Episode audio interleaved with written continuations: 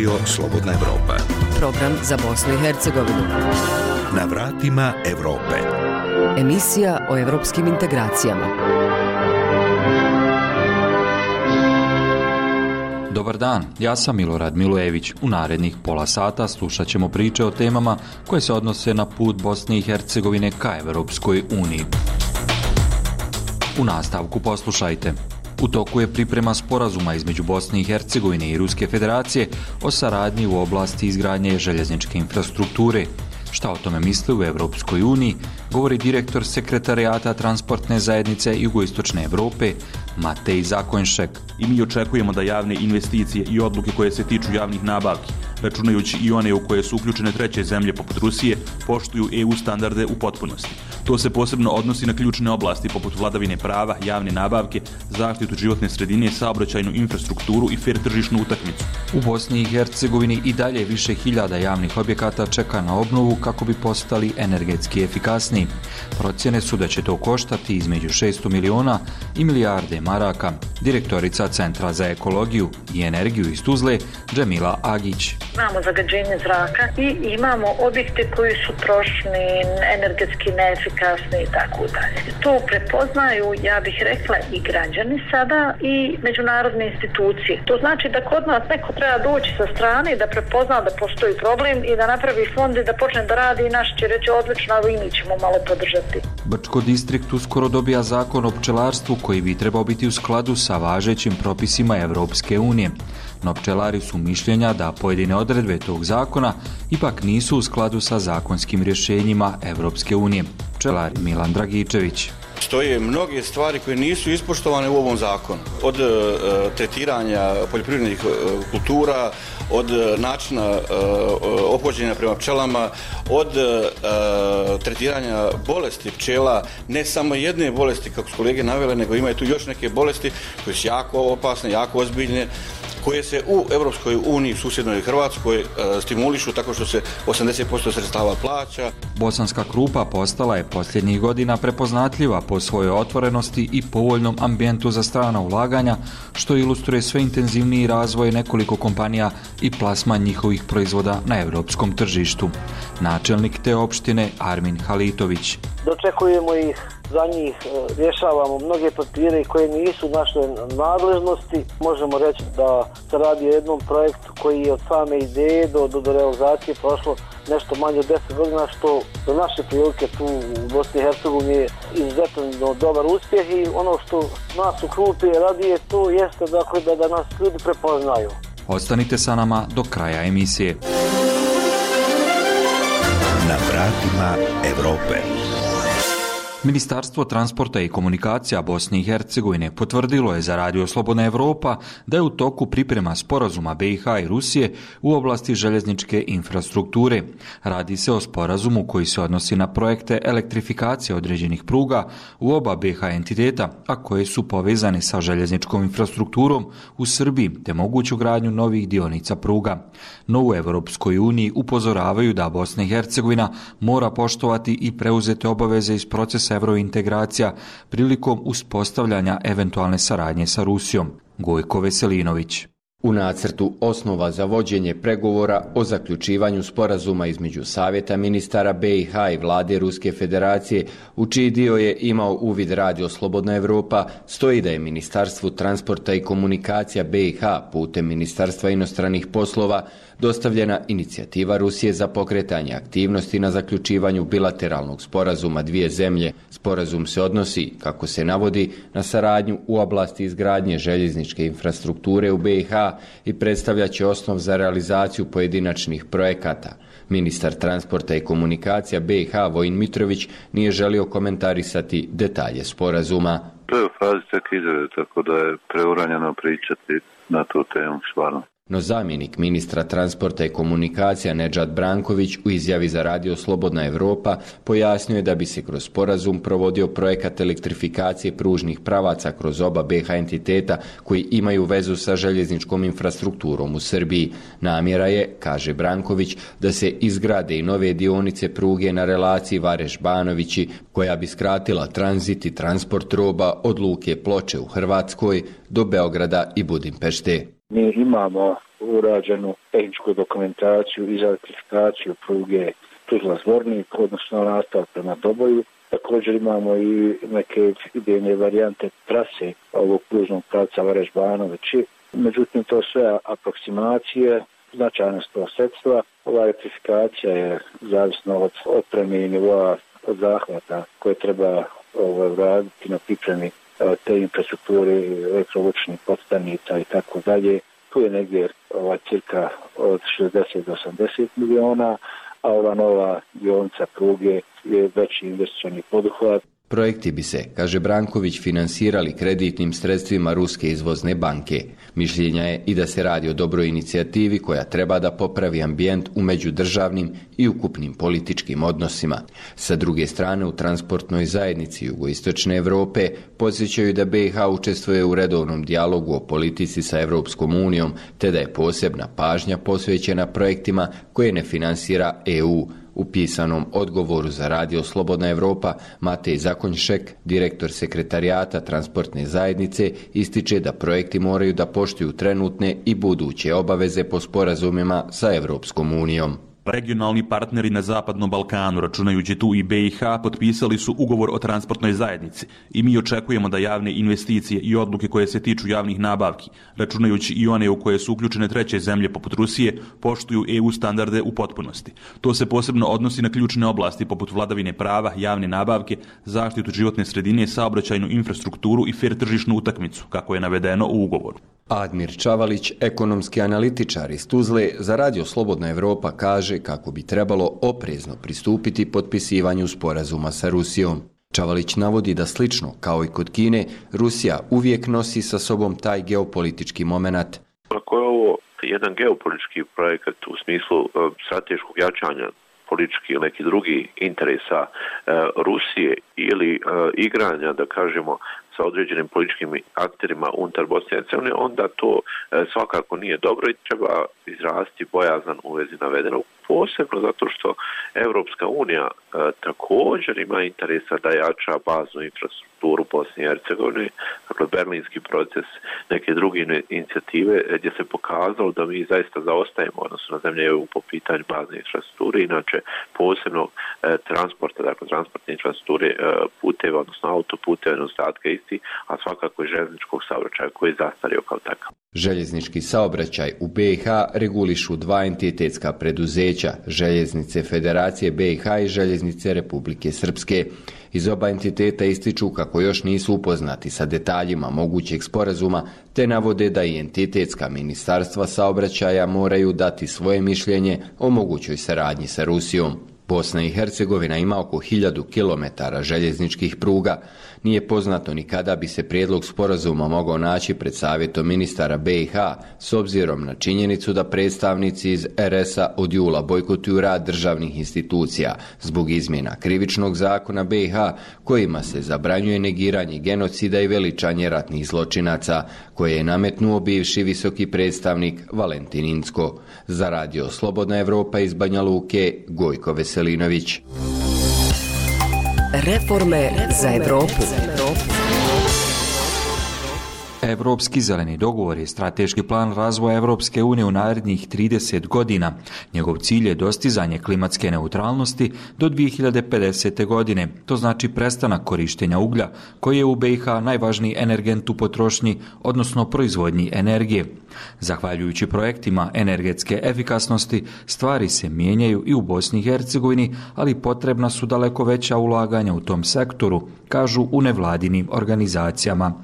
Detaljnije Arnes Grbešić. U područnoj osnovnoj školi Čobe Kopice u okolini Magleja više se neće koristiti ugalj tokom grine sezone. U toj obrazovnoj ustanovi koja pripada osnovnoj školi Novi Šeher postavljen je novi sistem centralnog grijanja. Renovirana je i školska zgrada u kojoj su stvoreni bolji uslovi za odvijanje nastave, kaže direktorica osnovne škole Novi Šeher Azra Islamović. Rađeno je utopljavanje škole, zamjena stalarije i prelazak na novi način zagrijavanja putem toplotne pumpe. Da sad se škola zagrijavala na drvo i ugalj i u toku jedne grijenje sezone, u toku jedne znači školske godine, trošilo je se oko 20 metara drveta i 10 tona uglja. Ovo je od velikog znači, značaj za lokalnu zajednicu jer su emisije štetnih plinova izostavljene, njih više nema i bit će velike uštede. Od ovog mjeseca novi sistem centralnog grijanja ima i područna škola u naselju Kosova kod Maglaja, o čemu govori direktor prve osnovne škole Mirza Ahmetović.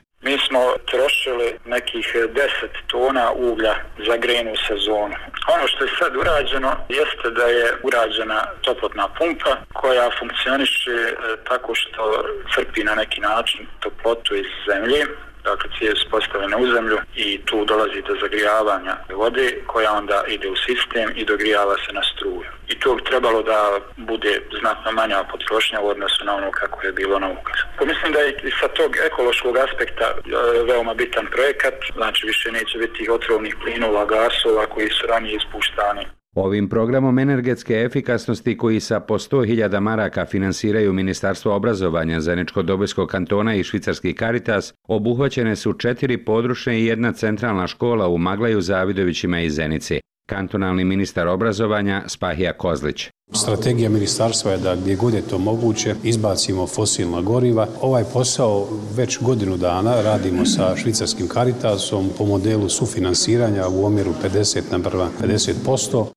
Predstavnik Caritasa Švicarske za projekte energetske efikasnosti i korištenje obnovljivih izvora energije Fuad Imamović. Implementiranjem prvo mjera energetske efikasnosti na objektima možemo reći da e, se smanjuje potreba za energijom za nekih 50%, najgrublje bude rečeno, i isto tako inovativnim sistemima spuštamo potrošnju za nekih narednih 20 do 30%. Imamović dodaje da će sa Ministarstvom obrazovanja Zeničko-Dobojskog kantona ubrzo biti potpisan ugovor o ulaganju ušteđenog novca gdje će se u narednih 8 godina ministarstvo obaveza da će plaćati isti iznos za grijanje kao prije uvođenja tehnologija, mi ćemo pružiti uslugu putem naše ESCO firme. Iz tih e, ušteda mi ćemo vršiti povrat sredstava, nadamo se za 8 godina da ćemo povratiti tu investiciju i taj ušteđeni novac nećemo iznijeti iz Senčko-Dobojskog kantona, nego ćemo opet taj novac donijeti i udružiti sa kantonalnim ministarstvom i ulaziti u nove projekte. Ovo nisu jedini takvi projekti koji se realizuju u školama na području Zeničko-Dobojskog kantona. Ove godine počela je realizacija investicije vrijedne 11 miliona maraka. Radi se o sredstvima iz kredita Svjetske banke. Još jednom nadležni kantonalni ministar Spahija Kozlić. Do kraja ljeta naredne godine završit ćemo 30 obrazovnih objekata na području Zeničko-Dobojskog kantona. Smisa, odnosno cilj ove velike akcije, da tako kažemo, jeste ovaj, uštede u energiji, popravljanje stanja, kvaliteta izvođenja nastave, smanjenje zagađenja i tako dalje. Renovira se i centralna osnovna škola Novi Šeher kod Magleja, ponovo direktorica Azra Islamović. Mi u centralnoj školi imamo dva objekta, objekat A i B. Radovi su počeli na objektu B u mjesecu oktobru i planirano je da budu završeni sredinom januara. Također se utopljava škola i mijenja se stalarija, a ova škola se zagrijava već četvrtu godinu na pelet. U Bosni i Hercegovini međutim još ima oko 7000 javnih objekata koje je potrebno renovirati. Prema procenama za te poslove neophodno je od 600 miliona do milijardu maraka. Prema mišljenju predstavnika nevladinog sektora u Bosni i Hercegovini su potrebna i veća izdvajanja iz budžeta na svim nivoima za te namjene, kaže direktorica Centra za ekologiju i energiju iz Tuzle Džemila Agić. Mi imamo problema sa proizvodnjom i sa potrošnjom energije. Energiju proizvodimo većim dijelom iz fosilnih goriva što nam predstavlja problem. S druge strane, znači imamo zagađenje zraka i imamo objekte koji su trošni, energetski neefikasni i tako dalje. To prepoznaju, ja bih rekla, i građani sada i međunarodne institucije, ali naše institucije koje su nadležne da prate to sve i da podstiču, recimo, na primjer, mjera energetske energetske efikasnosti uglavnom rade projekte koji su finansirani ili su finansirani od sredstava nekakvih međunarodnih institucija. To znači da kod nas neko treba doći sa strane da prepozna da postoji problem i da napravi fond i da počne da radi i naš će reći odlično, ali i mi ćemo malo podržati. Bosna i Hercegovina koristi mnogo više energije od država Evropske unije. Polovina te energije se troši u zgradama. Razlog tome su jednostavni nedostaci poput loše izolacije, zastarelih sistema grijanja i neadekvatnog osvjetljenja, navodi se u jednom od izvještaja Svjetske banke. Za radio Slobodna Evropa iz Doboja, Arnes Grbešić. Sada ćemo do susjedne Crne Gore. Kineska kompanija China Road and Bridge Corporation treba da plati oko 200.000 evra za naknadu štete zbog uništavanja riba i drugog živog svijeta u rijeci Tari tokom izgradnje autoputa Bar Boljare, odlučio je osnovni sud u Podgorici. Tužbu protiv CRBC-a, glavnog izvođača radova na najvećem infrastrukturnom projektu u istoriji Crne Gore, podnijelo je sportsko ribolovno društvo Tara i Morača, koje upravlja vodenim prirodnim dobrom na području Kolašina. Iz kineske kompanije najavljuju žalbu na presudu, a kolašinski ribolovci kažu da je suđenje pokazalo kako su najviše obstrukcija imali od onih koji su zaduženi da štite Taru, rijeku pod zaštitom UNESCO-a, priča Jasne Vukićević. U sportsko-ribolovnom društvu Tara i Morača, koje je tužilo kinesku kompaniju China Road and Bridge Corporation za nadoknadu štete zbog uništavanja ribe u Tari tokom izgradnja autoputa Bar Boljare, zadovoljni su prvostepenom presudom da im kineska kompanija isplati oko 200.000 eura. No, predsjednik društva Momir Živković kaže da im dobijeni sudski spor ipak ima gora kukus, jer se pokazalo da su najviše obstrukcije imali od onih koji su trebali da Taru štite mi smo velike obstrukcije po tom, po tom osnovu imali od državnih organa, čak su i neki ljudi državnih organa na suđenju svjedočili u kovis CRBC-a, iako su postojali papiri koje su njini službenici potpisali da je to sve što sam ja ovaj izjavljivo, što sam ja to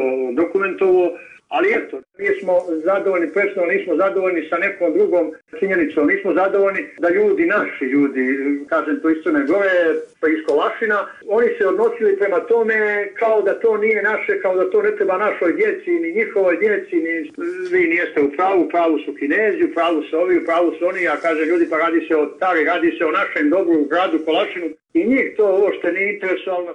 Advokat Sportsko-ribolovnog društva Tare i Morača, Vladimir Čađanović, smatra da je u ovom slučaju bilo obstrukcija, da su zakazale inspekcije i druge instance, a istovremeno navodi riječi bivšeg ministra da je na Tari bilo preko 117 incidentnih situacija. Sada je totalno neka druga situacija, ajde da kažemo. Promjenama su nastale, ajde da kažemo, i određene aktivnosti od inspekcije od državnog tužilaštva, a što je između ostalo u najvećoj mjeri poteklo od nas, naravno našom aktivnošću i zalaganjem. Čađenović kaže i da su najprije pokušali da se sa CRBC-em sporazumno dogovore o iznosu obeštećenja, ali da za to u kineskoj kompaniji nije bilo sluha kada je podneta tužba, oni su ovaj, govorili čitavo vrijeme da nisu odgovorni za tako nešto, upućivali između ostalog i na državu, da je to njima dozvoljeno da rade tako i tako dalje i tako dalje. Međutim, naravno, ispostavilo se da to nije tačno. Sada se između ostalog vidi da, pored prekršajnih prijava koji su dobijali, sada postoji krivični postupak protiv njih, ne samo protiv pravnog lica, nego i odgovornog lica koji se vodi u sudu Kolašinu. S obzirom da postoji rešenje Agencije za zaštitu životne sredine gdje su oni faktički priznali su tu štetu, potpuno je jasno da ovaj, njihova odgovornost je nesporna i tu nema dalje priče. Iz CRBC-a nisu željeli da komentarišu presudu, ali su za Radio Slobodna Evropa potvrdili da će uložiti žalbu. Ni ministar ekologije Ratko Mitrović nije konkretno odgovorio na naše pitanje o presudi, kao ni brojnim optužbama o ekološkoj šteti koje su pratile izgradnju autoputa. Kažem, mi smo došli bukvalno po ima nema ni godinu dana. Put je trebao da se završi prije godinu što dana. Sve što se dešavalo uglavnom se ranije dešava. Jer sada su neke završne faze i sada je bukvalno se sanira ono što je napravljeno. Kolašinski ribolovci kažu da će trebati godine da se rijeka Tara oporavi, a da će se ribe vratiti tek kad se obnovi riječni biodiverzitet. Momir Živković. Žao mi je samo što je uništena rijeka i sad nema u toj rijeci više nema ribe. Po procjenama vještaka, a i po struci kako kažu, treba najmanje od 5 do 10 godina da se biodiverzitet e, povrati od čega bi riba mora, mogla da živi. To je onaj biljni svijet koji se nalazi u rijekama jer, jer je rijeka e, vođena čas desno, čas lijevo. E, vađen je veliki materijal izrađen iz nje za potrebe puta. To, smo, to su radili noću, tako da smo mi to sve dokumentovali. I video materijalom, i audio, i ne znam, fotografijama, sve smo to dokumentovali šta su radili noću i onda ujutru dođu i to zagrnu onaj, da se one ne vide velike po, po 10 metara su bile velike te rupe, dakle su vadili materijal, ovaj, ali eto, dobro, opet je nešto bi to što para bude, to će se ovaj poribiti ta rijeka i tako. Rijeka Tara je pod zaštitom UNESCO-a koji je 2019. u svom izvještaju konstatovao da je u zoni gradnja autoputa devastirano riječno korito. Polovinom ove godine, nakon što je to konstatovala inspekcija, CRBC je najavio njegovu sanaciju. Za radio Slobodna Evropa iz Budve, Jasna Vukićević. Emisiju Na vratima Evrope možete i pročitati na našoj web stranici slobodnaevropa.org. Ponovo smo u Bosni i Hercegovini. Brčko distrikt uskoro dobija zakon o pčelarstvu koji bi trebao biti u skladu sa važećim propisima Evropske unije.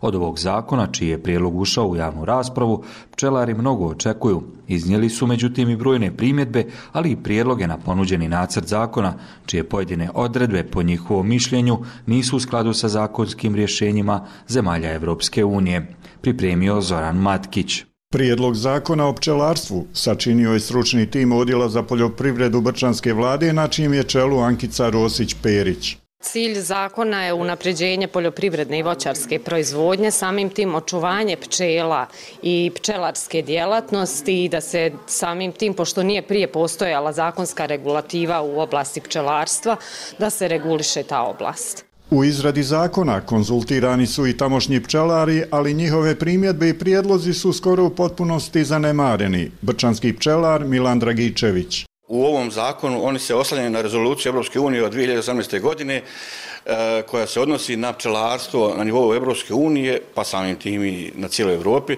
gdje stoje mnoge stvari koje nisu ispoštovane u ovom zakonu. Od e, tretiranja poljoprivrednih e, kultura, od načina opođenja prema pčelama, od tretiranja bolesti pčela, ne samo jedne bolesti, kako su kolege navele, nego imaju tu još neke bolesti koje su jako opasne, jako ozbiljne, koje se u Evropskoj uniji, susjednoj Hrvatskoj, e, stimulišu tako što se 80% sredstava plaća. Pčelari u Brčko distriktu se pitaju zbog čega se predlagač zakona poziva na zakonska rješenja Evropske unije, a predložena rješenja od strane pčelara, koja sadrže upravo zakonske odredbe Evropske unije, nisu prihvaćena i unesena u ponuđeni prijedlog zakona. Nikola Kerezović, Udruženje pčelara Matica Brčko. Mi tražimo da se usaglasi zakon sa Evropskom unijom. U Evropskom uniji Hrvatska i Srbija tu je ulazi i tražimo da se samo to primijeni. Ništa drugo mi ne izmišljamo toplu vodu. To je davno izmislito, ali nema sluha, politika je umiješala sa usrpaju čelarstva. Najveće zamjerke na prijedlog zakona o pčelarstvu u Brčko distrikta pčelari su imali zbog izostavljanja odredbi oko isplata šteta pčelarima uzrokovanih uginućem pčela uslijed nekih bolesti. Nikola Kerezović Tražili smo da se uvrsti američka trulež u nadoknadu, to je ukinjeno, kaže ima nešto predviđeno veterinarskim zakonom. Taj veterinarski zakon nikad niko nije mogao naplatiti. Od čelara mi smo imali dva slučaja američke truleži i kad je došlo tamo na naplatu nema para i nešto politika i svašta nešto. Posljednjih godina pčelari su imali prinose meda isključivo selitbom svojih društava na pčelinje paše širom Bosne i Hercegovine. Ponuđenim zakonskim rješenjima preseljenja košnica brčanski pčelari kažu da bi od lokalne administracije morali za jednu sezonu osigurati čak 16 različitih dozvola za ispaše, a što nije slučaj u zemljama Europske unije. Za Radio Slobodna Europa iz Brčkog distrikta, Zoran Matkić. Radio Slobodna Europa, emisija o evropskim integracijama. Na vratima Evrope. Bosanska krupa postala je posljednjih godina prepoznatljiva po svojoj otvorenosti i povoljnom ambijentu za strana ulaganja, što ilustruje sve intenzivniji razvoj nekoliko kompanija i plasma njihovih proizvoda na evropskom tržištu. Samo u poslovnoj zoni Pilana u firmama iz nekoliko zapadnoevropskih zemalja zaposleno je oko 700 radnika, a u proljeće iduće godine u funkciji će biti nova poslovna zona, zabilježila Azra Bajrić. Bosansko-krupska kompanija Krupa Kabine kao dio italijanske grupacije Sijak ove će godine na evropsko tržište plasirati 20.000 kabina za privredna i poljoprivredna vozila. Svi indikatori poslovanja potvrđuju samo jačanje od obima proizvodnje kapaciteta do konkurentnosti kvaliteta izvoza, tehnološkog napretka i zapošljavanja. Dženan Džafić, direktor kompanije Krupa Kabine kompanija broji 365 zaposlenih radnika.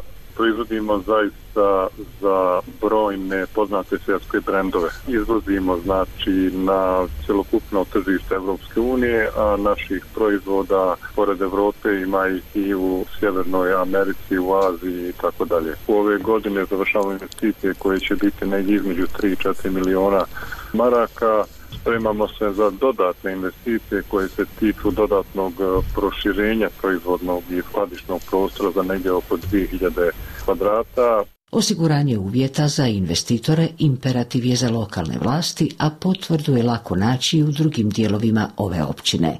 Samo u poslovnoj zoni Pilana u 15 firmi iz Hrvatske, Slovenije, Italije, Austrije i Njemačke zaposleno je oko 700 radnika.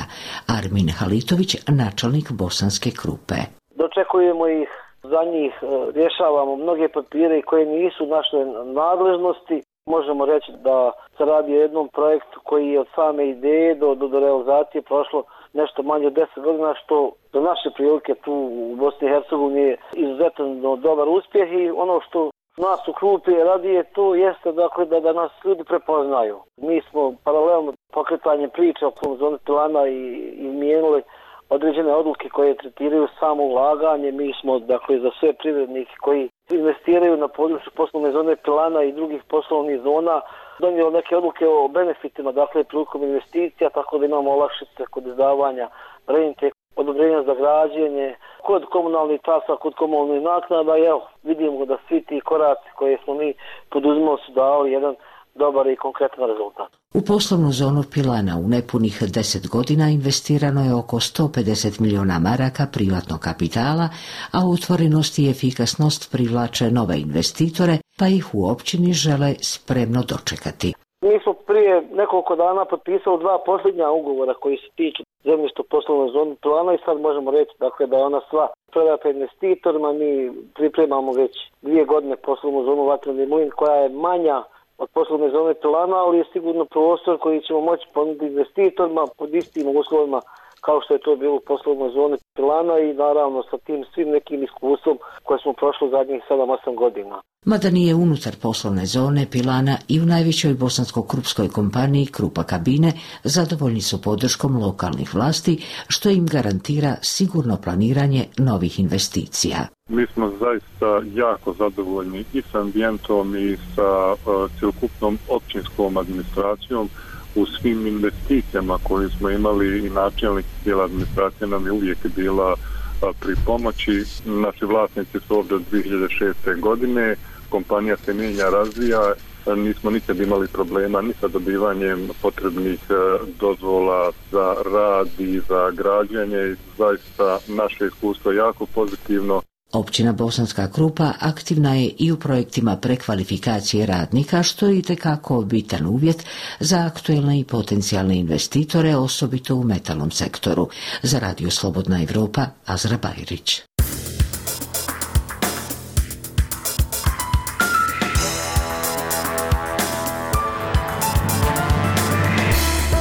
Bilo bi to sve u ovom izdanju emisije Na vratima Evrope. Posjetite i našu web stranicu slobodnaevropa.org za više aktuelnosti i zanimljivih sadržaja iz Bosne i Hercegovine i regije.